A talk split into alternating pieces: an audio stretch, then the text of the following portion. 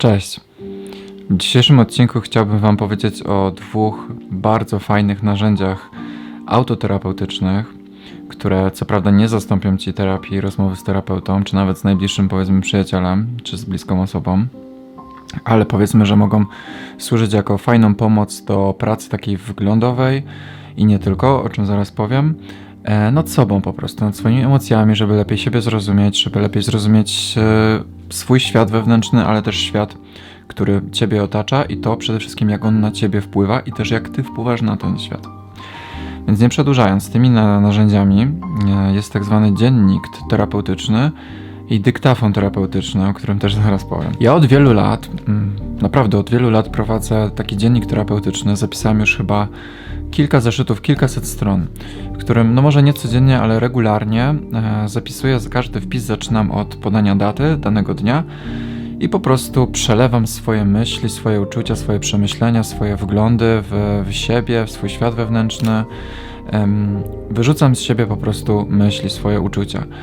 I to jest najfajniejsze narzędzie e, w momencie, kiedy powiedzmy masz jakiś natłok myśli, jest coś, czym sobie nie radzisz lub nie masz z kim porozmawiać, bo na przykład nie masz przyjaciół lub e, nie chodzisz na terapię lub czekasz na terapię lub jeszcze tydzień czasu musisz poczekać, a chcesz coś z siebie wyrzucić. Więc taki dziennik terapeutyczny ma funkcję katarzys oczyszczającą, ale nie tylko, ma też funkcję wglądową.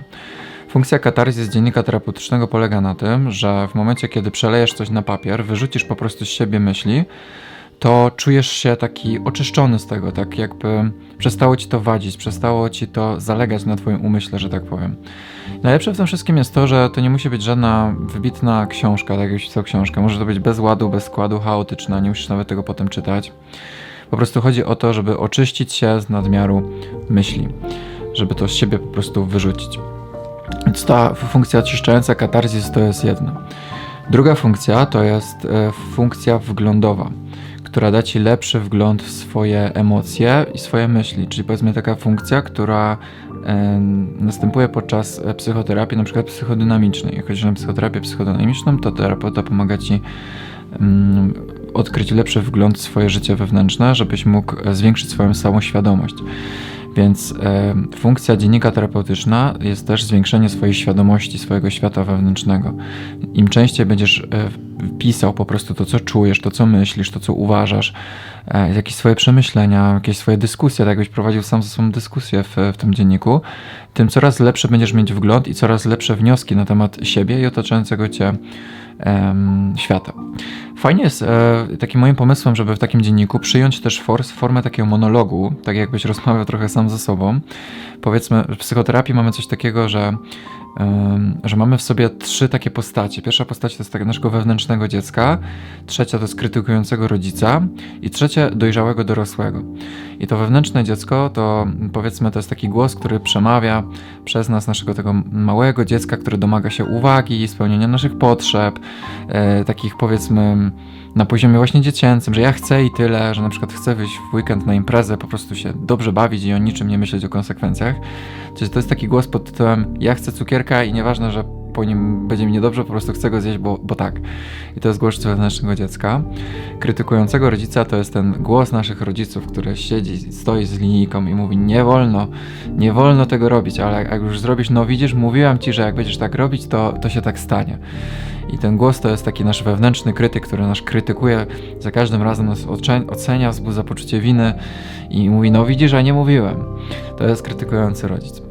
E, a dojrzały dorosły to jest najbardziej dojrzała część naszej, powiedzmy, jakiejś takiej wewnętrznej osobowości, która polega na tym, że e, tak, dajemy sobie pozwolenie na przeżywanie radości, jakichś większych przyjemności w życiu, ale podchodzimy do tego w dojrzały sposób. A jak nam się potknie noga, to nie krytykujemy się jak ten krytykujący rodzic, y, który mówi, który, który nam wzbudza poczucie winy w nas i jak dewaluuje nas, tylko z dużą czułością, i, i, ale z taką dojrzałością wspiera nas w tym, że nam się ta noga potknęła. Czyli na przykład nie będzie nas po głowie głaskać i mówić za każdym razem, wszystko będzie dobrze, e, ale pomaga ci wyciągnąć wnioski, że no tak, potknęła ci się noga, popełniłeś jakiś tu błąd, i, i, I, to jest normalne, że przeżywasz teraz ból, bo, bo przydarzyło ci się coś bolesnego, E, Ale to nie znaczy, że nie zasługujesz na szczęście w życiu. To nie znaczy, że, mm, że masz myśleć o sobie teraz w zły sposób, bo nie jesteś złym człowiekiem. Wciąż jesteś dobrym człowiekiem. To, że popełniłeś jakiś błąd, nie znaczy, że to cię kwalifikuje jako złego człowieka. I to jest ten dojrzały e, dorosły.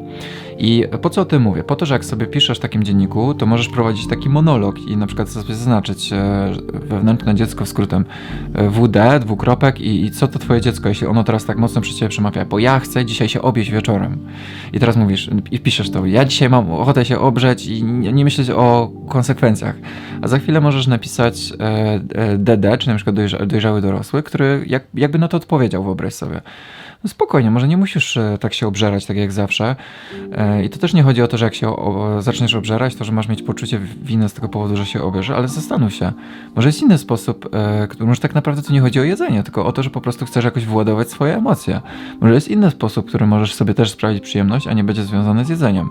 A nawet jeśli już się obrzesz, to trudno. Przecież nie musisz się katować za to, no nie? To jest taki powiedzmy dojrzały dorosły który prowadzi, przeprowadza sobie taki inteligentny dialog, jakby przeprowadzał być może terapeuta.